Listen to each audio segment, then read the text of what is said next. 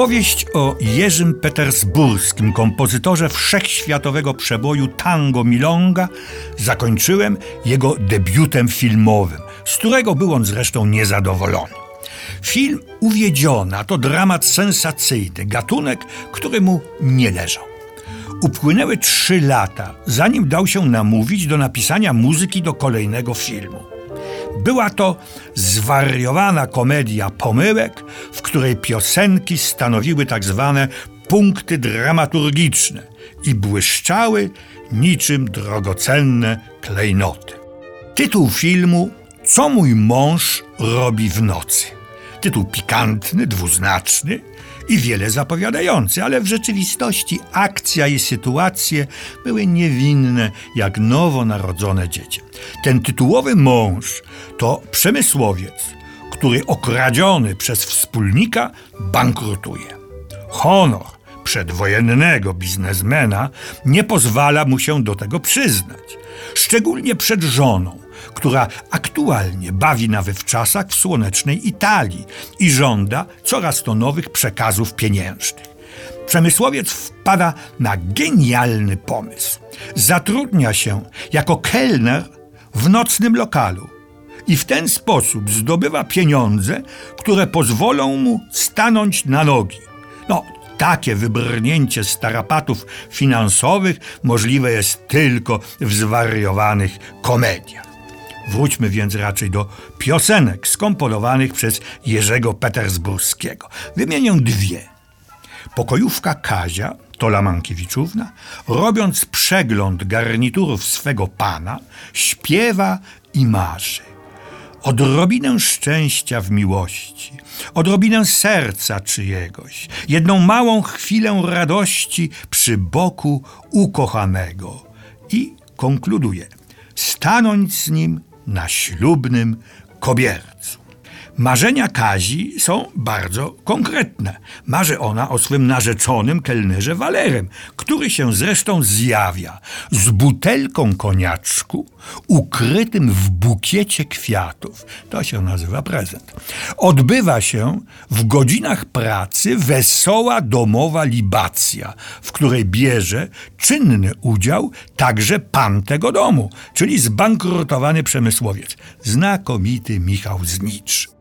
Kiedy już wszyscy mają nieźle w czubie, intonują pieśń Gdybym ja miał cztery nogi. Przyznam, że te dwie kapitalne piosenki pozwalają mi nie zapomnieć tego filmu. No i scena naprawdę pikantna i przezabawna.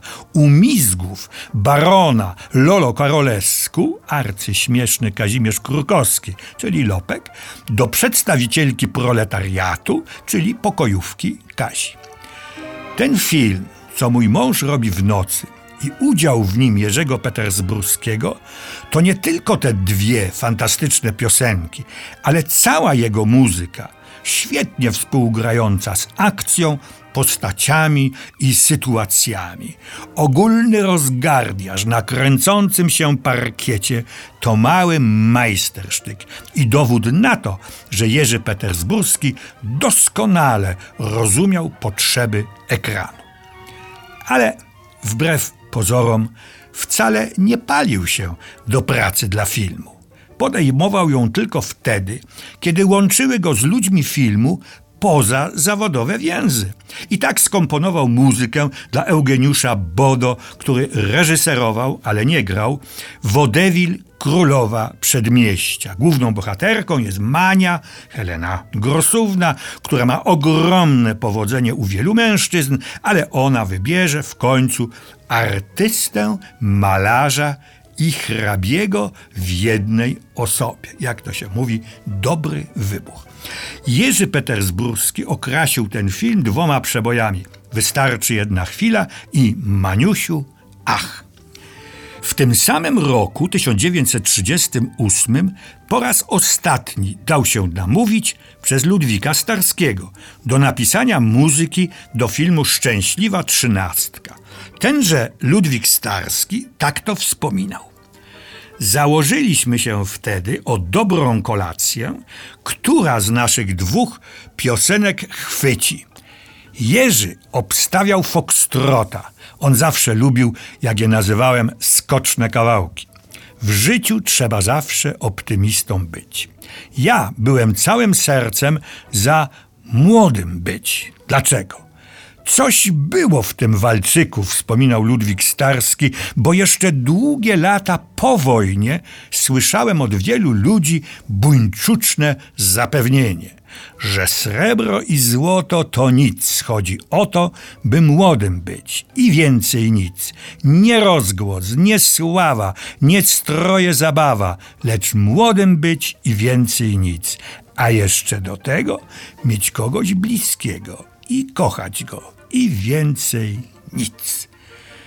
A wkrótce wybuchła wojna. Jerzy Petersburski znalazł się na terenie Związku Radzieckiego.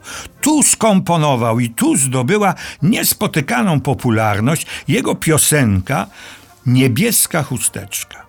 Jerzy Petersburski w 1942 roku wstąpił do drugiego korpusu i jako sierżant pierwszego pułku lotniczego wraz z wojskiem przeszedł cały szlak, pisząc piosenki dla Teatru Wojska Polskiego i robiąc audycje radiowe dla żołnierzy. Kiedy wojna się skończyła, zaczął się kolejny rozdział jego życia i twórczości. Najpierw w Brazylii, gdzie występował w duecie fortepianowym. Potem 20 lat przebywał w Argentynie, gdzie wraz z Kazimierzem Krukowskim prowadził Teatr El Nacional i zyskał miano króla tanga. W 1968 roku wrócił do kraju. Ożenił się ze śpiewaczką Sylwią Klejdysz. Urodził im się syn – Zacytuję na zakończenie samego Jerzego Petersburskiego z tamtych lat. Nadal piszę piosenki. Często, jak zresztą było zawsze, komponuję także poważniejsze pozycje. Doskonały klimat do pracy i pogodę ducha zapewnia mi rodzina, żona i syn, który podobnie jak kiedyś ja sam pragnie zostać pianistą. I jeszcze wskazówka. Żeby pisać dobre piosenki, trzeba mieć przygotowanie klasyczne. Reszta właściwie przychodzi sama. Trzeba tylko łapać z powietrza nutki i umiejętnie przenosić je na papier nutowy.